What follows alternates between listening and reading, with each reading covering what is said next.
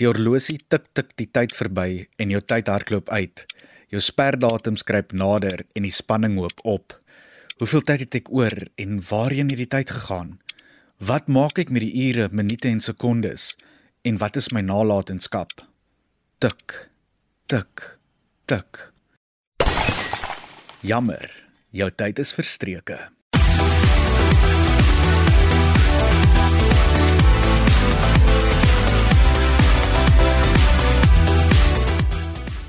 Ons alkeen kry elke dag dieselfde geskenk, 24 ure dag. Wat maak jy met daardie 24 ure en waaraan bestee jy dit? Sukkel jy dalk selfs om resultate aan die einde van die dag te wys? Die probleem mag dalk tydsbestuur wees. Hallo, hallo, ek is Adrian Brandt en ek kuier vir die volgende paar minute saam met jou in Kompas op RSG. Ons as jong mense sukkel met verskeie dinge en dikwels spoel dit oor in kritiese dele van ons lewens, soos byvoorbeeld akademie en professionele lewe. Ons lewe in 'n tyd waar daar so baie geraas en steurnisse is dat ons skaars behoorlik kan konsentreer op dit wat belangrik is om besig en produktief te wees. Al hierdie dinge kan verander as ons beter tydsbestuur toepas. Vanaand help ons jou daarmee en ons gee handige wenke en deel wonderlike tegnieke wat jou lewe beslis sal verander. Om al hierdie kennis en raad te deel is Alzaan Dorfling, 'n lewens- en verhoudingsafrigter van die noordelike voorstede in die Kaap. Alzaan verduidelik vlugtig vir ons wat tydsbestuur is, foute wat mense maak in hierdie praktyk, asook faktore wat tydsbestuur belemmer. Nou, As ek aan die term tydsbestuur dink, dan wil ek dit beskryf met 'n vraag. Wat maak ek met my tyd? Wat presies is tydsbestuur en hoe kan ons dit definieer? Dis 'n baie goeie vraag en een wat ek glo baie van ons eerder vermy as om voor die waarheid van 'n eerlike antwoord te staan te kom. Wanneer ons egter waag om wel onsself te konfronteer met die realiteit van wat maak ek met my tyd? Het ons reeds die eerste stap geneem om jouself te posisioneer vir 'n toekoms getiteld My Suksesstorie. Effektiewe tydsbestuur is vir sommige mense makliker en ehm um, dit kom meer natuurlik as vir ander. Dit beteken egter glad nie dat dit nie 'n vaardigheid is wat geoefen of verbeter kan word nie. Sommige mense kan dit self doen en ander benodig meer leiding en hulp, soms ook van 'n opgeleide persoon buitenleiding en doelstellingsraamwerke of die samestelling daarvan tree ek byvoorbeeld ook op as 'n aanspreeklikheidsvernoot vir my kliënte. Die doel hiervan is om nie net 'n plan daar te stel nie, maar dit ook effektief deur te voer. Die waarde hiervan kan ek nie genoeg benadruk nie, Arian. Vra iemand wat jy vertrou om as aanspreeklikheidsvernoot of soos hulle in Engels sê accountability partner vir jou op te tree.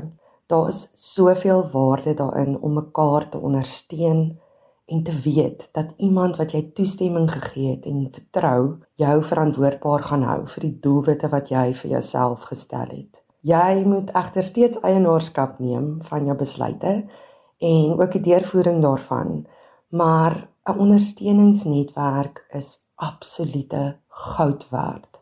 Die kort antwoord op jou vraag oor wat tydsbestuur is, Jong, dit begin by doelbewuste strategiese beplanning rondom die tyd wat beskikbaar is en die verdeling daarvan in konteks van spesifieke take of aktiwiteite.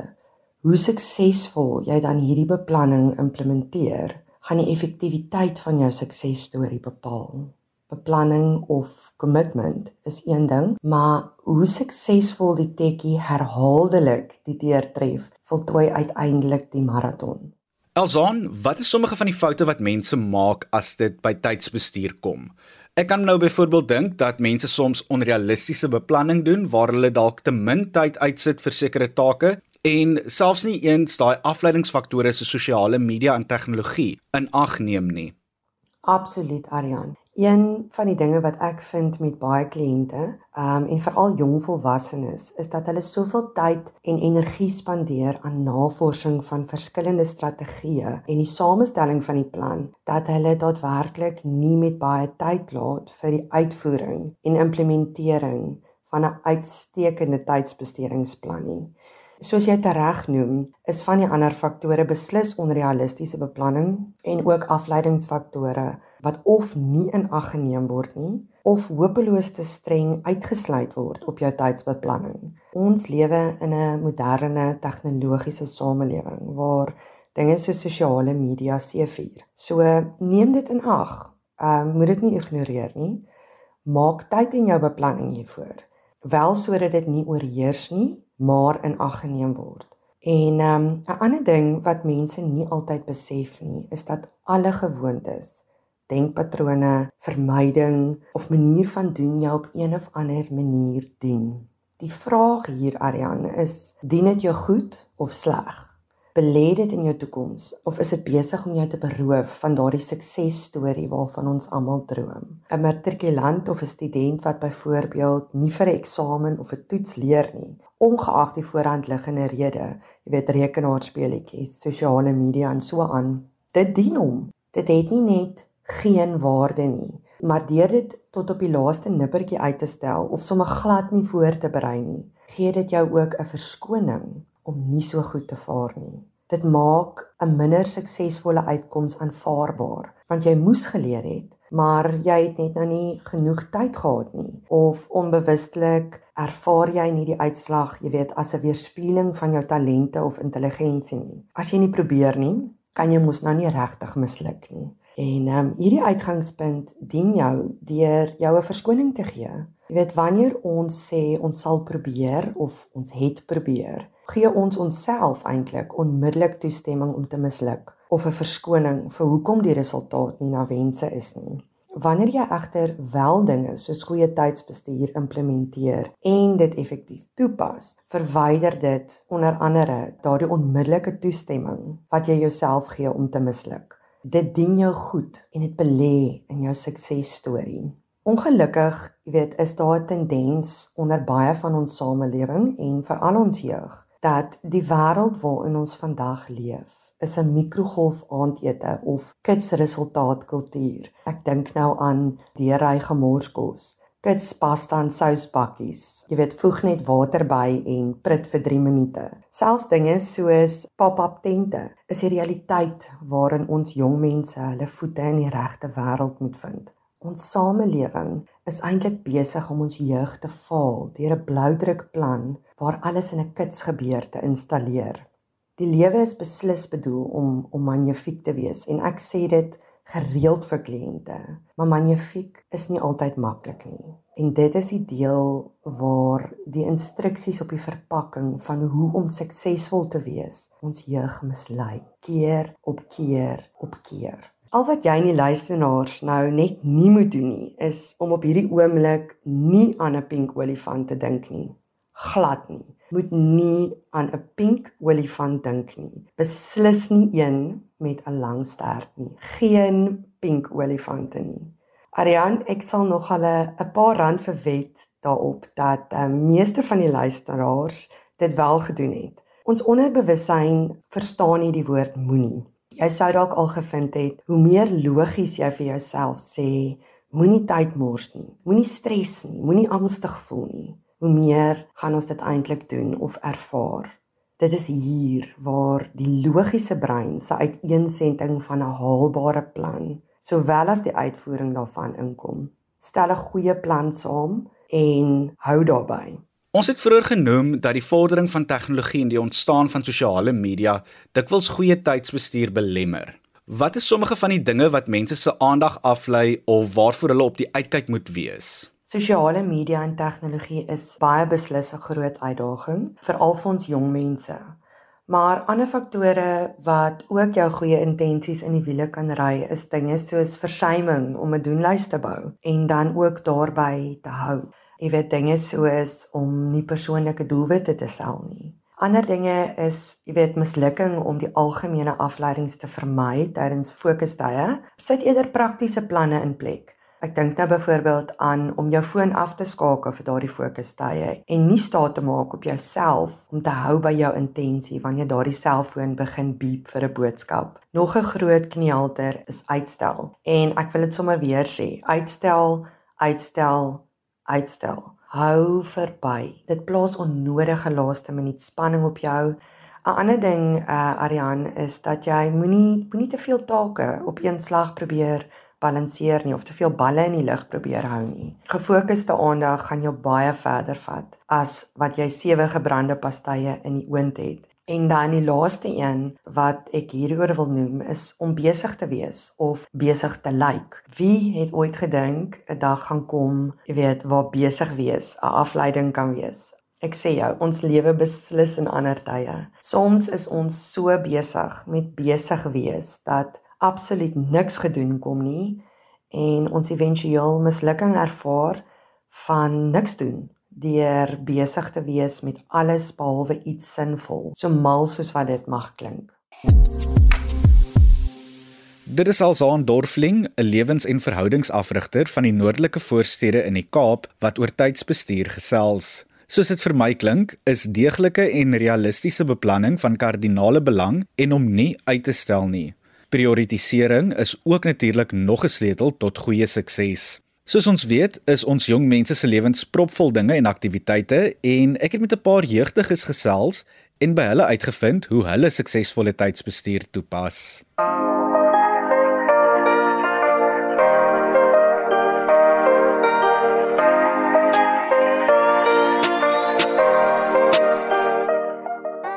Pas goeie tydsbestuur toe deur uit te vind hoe ek my tyd tans gebruik. Ek skep dan vir my daaglikse skedules en probeer meeste van die tyd om daarby te hou. Um ek prioritiseer verstandig. Ek groepeer dan ook my soortgelyke take saam.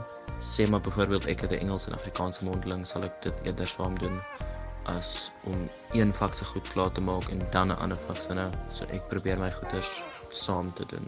Dan vermy ek die drang om te probeer multitask want gewoonlik werk dit nie so lekker nie. Ek ken ook tydsbeperkings aan take toe sodat ek nie vasbrand en nie by my ander take uitkom nie. Um ek bou buffers in en ek leer meeste van die tyd om nee te sê. Hoe ek my tyd bestuur is deur 'n lysie van take wat ek moet doen nee te skryf. Dan stel ek 'n rooster op waar ek hierdie take van belangrik tot dit wat ek later kan doen rangskik. En soos ek my take voltooi, merk ek dit af van my rooster. Almal het hulle eie manier van tydsbestuur. Ek vind dit net baie makliker om nie veelvuldige take aan te pak nie. Ek beplan vooruit my rooster en vat dit van daar af. Hoe ek goeie tydsbestuur toepas om te verseker dat ek my daaglikse sowel as weeklikse dinge kan doen. Is ek stel vir my elke dag 'n rooster op sodat ek seker dinge in daai sekere tydperk kan doen en op daardie manier kom ek by alles uit en ek het nog steeds aan die einde van elke dag tyd vir myself. Dan 'n klompie jong mense wat vertel het hoe hulle suksesvolle tydsbestuur in hulle lewens toepas. Natuurlik is daar verskillende wenke en tegnieke wat ons kan gebruik, maar nie elkeen gaan vir almal help nie. Elsaan bemagtig ons nou met 'n paar van hierdie tegnieke en praktiese wenke wat jy in jou lewe kan toepas. Die eerste ding is um, om te bepaal wat jou prioriteite is. As jy weet wat jou prioriteite is, kan jy daarvolgens jou tyd verdeel. Ek beveel gewoonlik aan dat my kliënte hierdie prioriteite met 'n pen op papier lys. Jong, daar gebeur iets in die brein wanneer daar 'n fisiese, tasbare taak uitgevoer word. Wanneer jy hierdie prioriteitslys voltooi het en bepaal het na raming hoeveel tyd jy heidaglik daarop spandeer, kan dit soms nog al 'n skok wees. Die realiteit hiervan is waar jy begin. Dis nie jou eindpunt nie.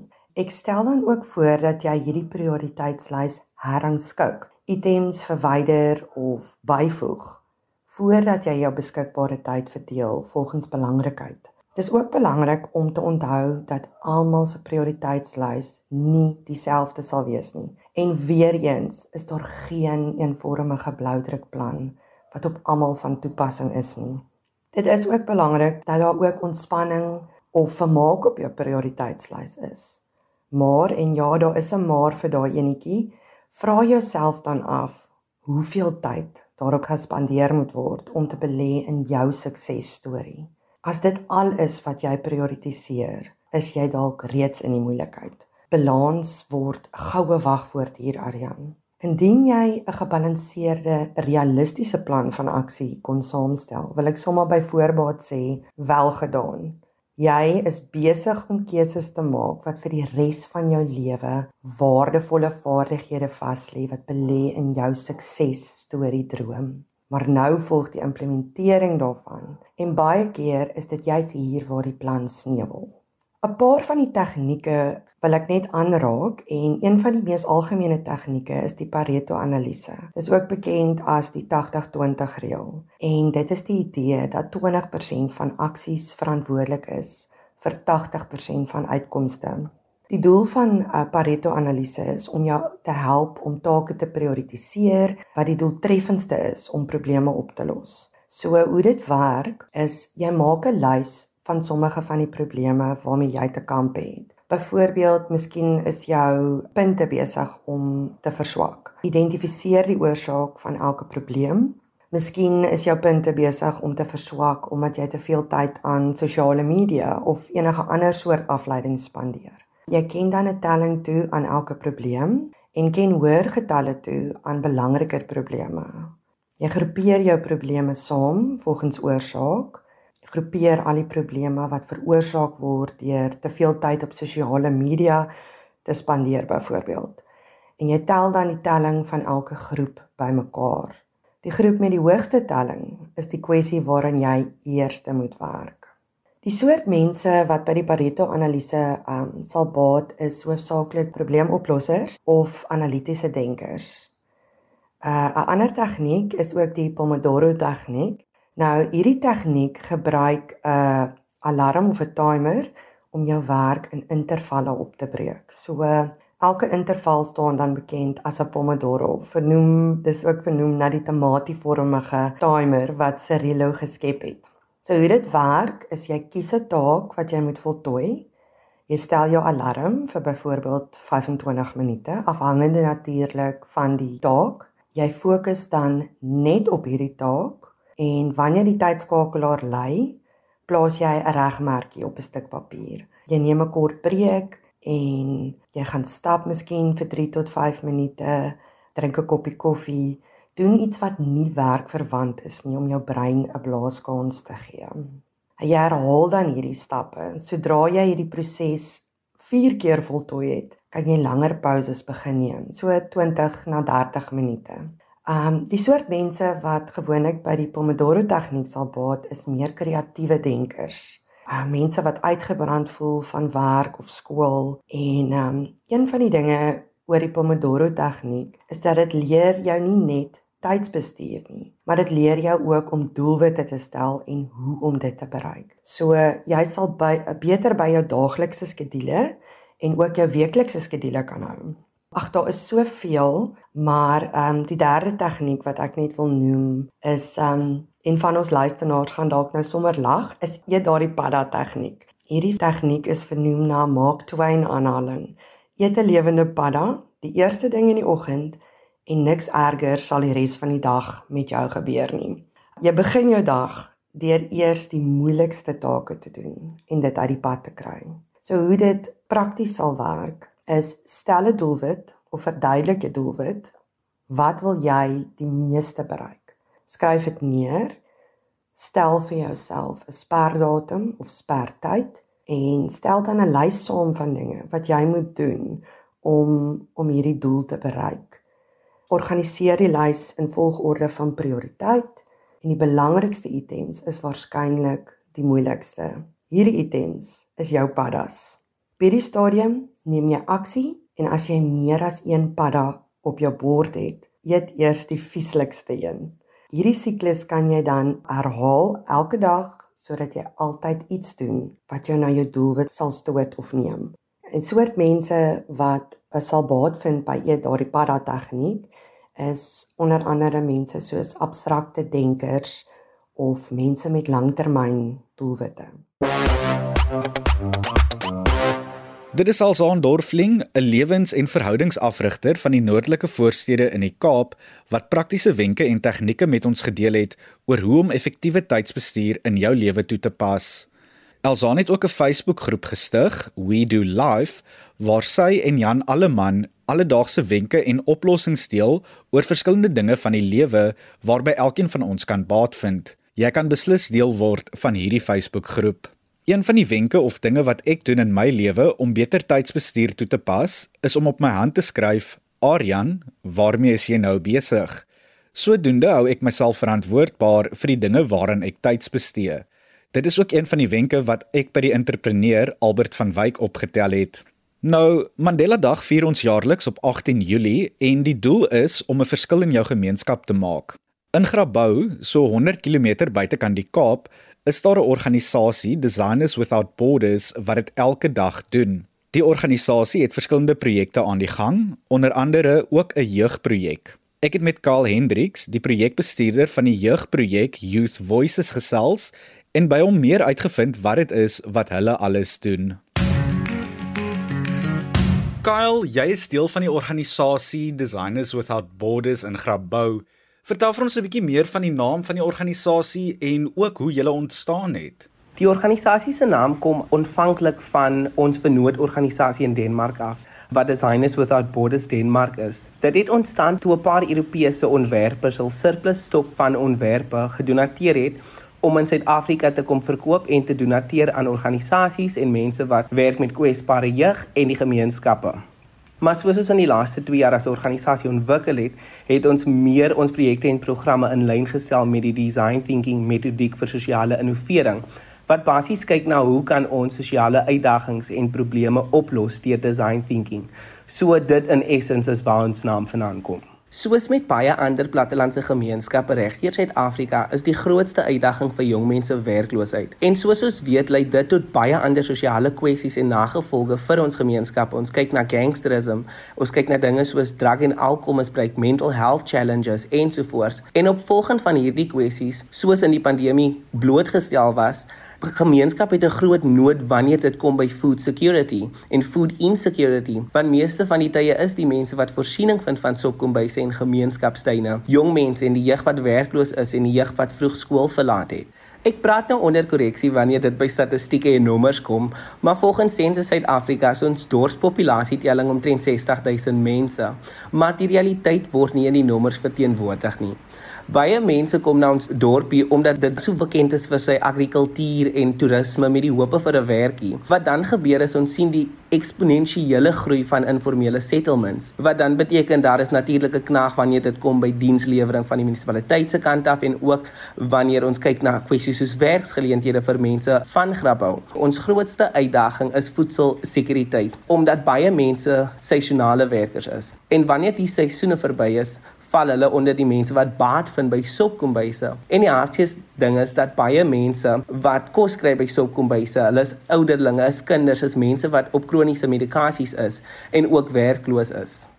Nou ek weet dat Designers Without Borders het verskillende projekte waarmee hulle aan die gang is, onder andere ook 'n voedingsskema. Vertel vir ons vlugtig van die projekte en die programme waarmee julle alles besig is.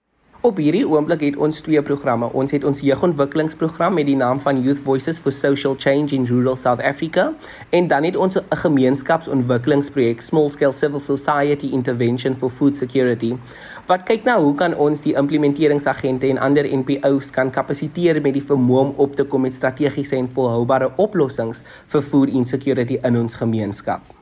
Julle het ook 'n spesifieke projek waarby jong mense betrokke is, Youth Voices, soos jy nou genoem het. Ek dink dit is 'n wonderlike naam.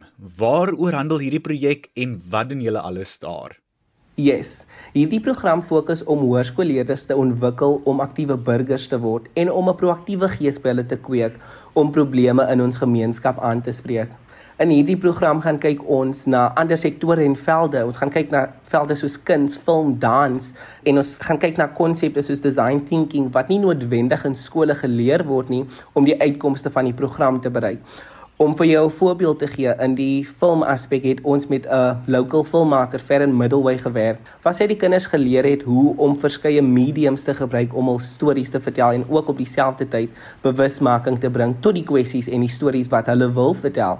In hierdie program is dit ook vir ons baie belangrik om hulpbronne accessible te maak vir jong mense van rural dorpe, spesifiek in ons dorpie Grabouw. Een van die belangrikste uitkomste van ons program is om jong mense te engage met sosiale entrepreneurskap. Dit is belangrik dat jong mense die belangrikheid verstaan om met volhoubare besigheidsmodelle op te kom, maar ook dieselfde tyd sosiale impak te hê op mense en die gemeenskap rondom hulle.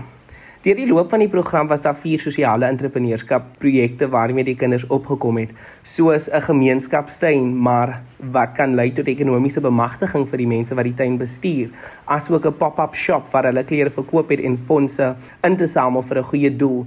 Hulle het ook murals geverf op publieke spasies in ons dorp met die idee om ons dorpie weer te beautify. En met elk van hierdie projekte moes hulle die design thinking metodiek oefen en toepas. Collaboration is ook belangrik en ons het vir hulle dan die netwerke oopgemaak om hierdie projekte te bewaar. Nou, die Youth Voices projek het ook op jeugdag 'n bosberaad gehad waar tydens verskillende dinge bespreek is. Vertel van ons 'n bietjie meer daarvan. Yes, ons het ons eerste offisiële Youth Voices Summit gehou op jeugdag om die stemme van jong mense in ons program te amplifieer. Deel van ons missie by die organisasie is om vir jong mense die platform te skep om diskos te kan fasiliteer oor kwessies waarmee hulle struggle.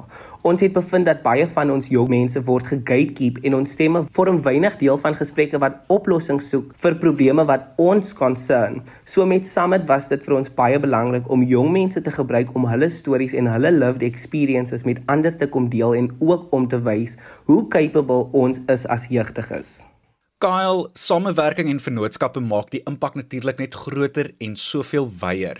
Waarom is dit so krities dat ons jong mense aktiewe burgers moet word en wat kan ons doen om daardie doelwit te bereik of om daardie rol te vervul op groot of selfs klein skaal? Arian, dit is baie krities want môre is hier. Ons is die leiers van vandag.